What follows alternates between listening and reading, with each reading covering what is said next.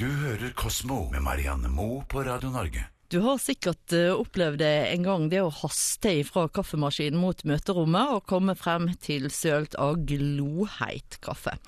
Kaffesøl, tro det eller ei, eh, det finnes de som forsker på sånt også. Hanne Jacobsen fra forskningen og to eh, amerikanske spesialister i skvulpingsdynamikk har undersøkt hvorfor det er så lett å søle når vi går med en eh, kaffekopp. Og dette her resulterte altså i en eh, sju sider eh, lang artikkel som eh, har blitt eh, publisert i det vitenskapelige tidsskriftet Physical Review i april. Og det har også gitt de en eh, Ig Nobelpris.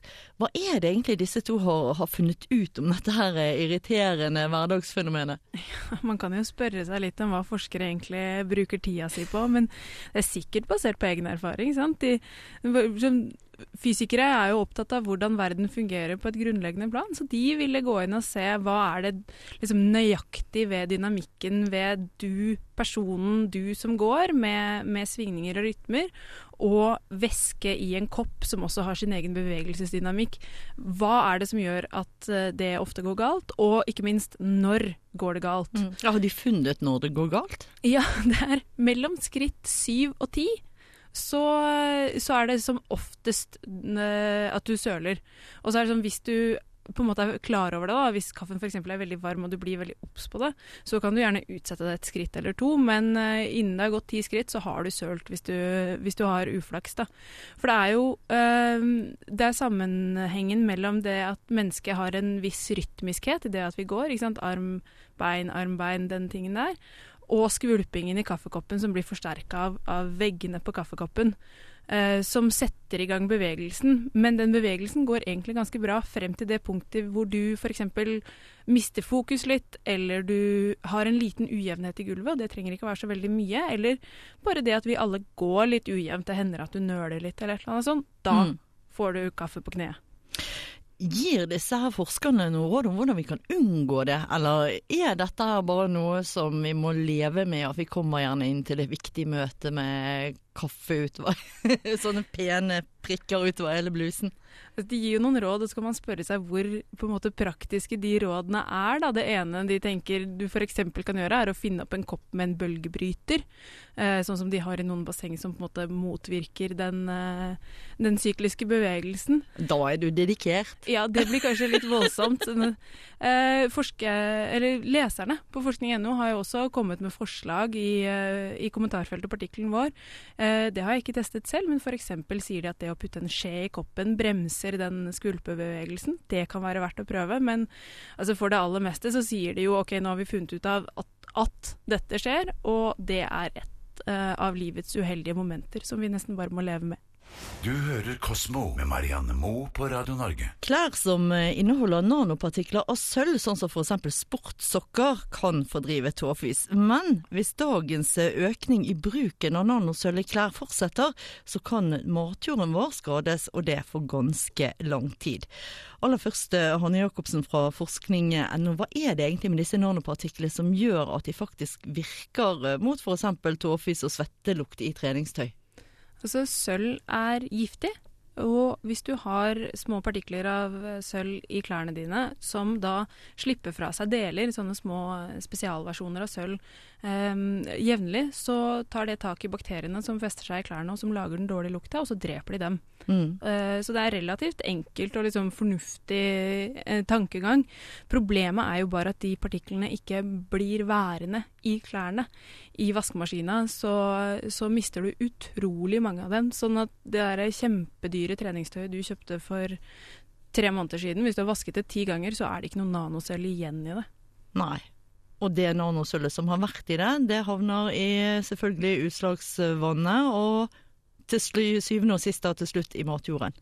Ja, det, er, eh, det, går gjennom eh, det vanlige systemet. Så går jo til et renseanlegg, og der kunne man tenkt det ble borte, men det er jo så lite. ikke sant? Nano mm. er jo fryktelig liten skala.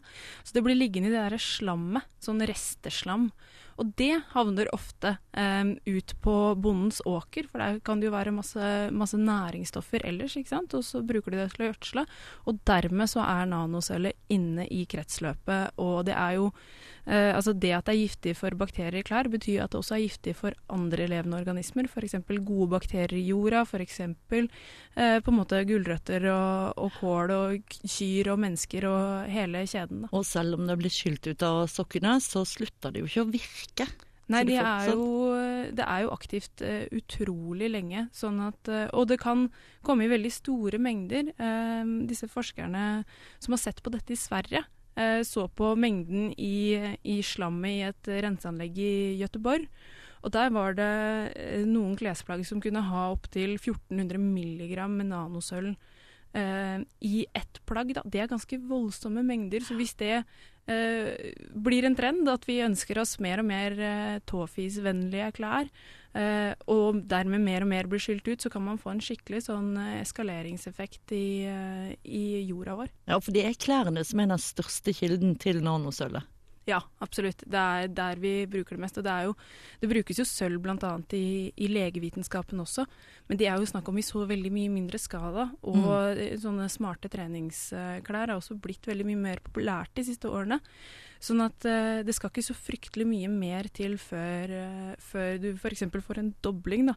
Det de fant, disse forskerne, var at hvis hver person i Gøteborg kjøpte én sokk i løpet av året med sånt nanosølv, så dobla du antallet. Og på en måte, veldig mange kjøper jo ikke noe, men noen vil jo kjøpe veldig mye mer enn det. Så det er ikke helt utenkelig. Men finnes det noen måte vi kan unngå disse negative miljøkonsekvensene på? Altså Den beste måten er rett og slett å ikke bruke, bruke nanosølvstoffer. Eh, for per i dag så klarer vi ikke helt å gjenvinne det nanosølvet som havner i, i systemet vårt. Og dermed så utvinner Altså så på en måte pøser du ut mer og mer, da. Én eh, ting er at ting er skadelig. Hvis du kan gjenvinne det, så holder du det til en begrenset mengde um, i systemet. Nå blir det bare mer og mer, vi har begrenset med sølv på jorda, så plutselig så er det masse nanosølv flytende rundt, og så er det ikke nok til å lage smykker, f.eks. Da gjelder det altså bare å gå foran som et godt eksempel, velge helt tradisjonelle sportssokker som du vet ikke er noe sånn på på si moderne teknologi som gjør at ikke de lukter tåfis, og så få, la det heller bare stå til, da. Altså, bomull eh, er eh, garantert nanosølvfritt hvis det står 100% bomull på, eh, på, merkelappen på klærne dine. Og det finnes altså fotspray på en måte hvis det er så krise. Kosmo, natur og vitenskap på Radio Norge. Søndag kveld fra klokken åtte. Radio Norge.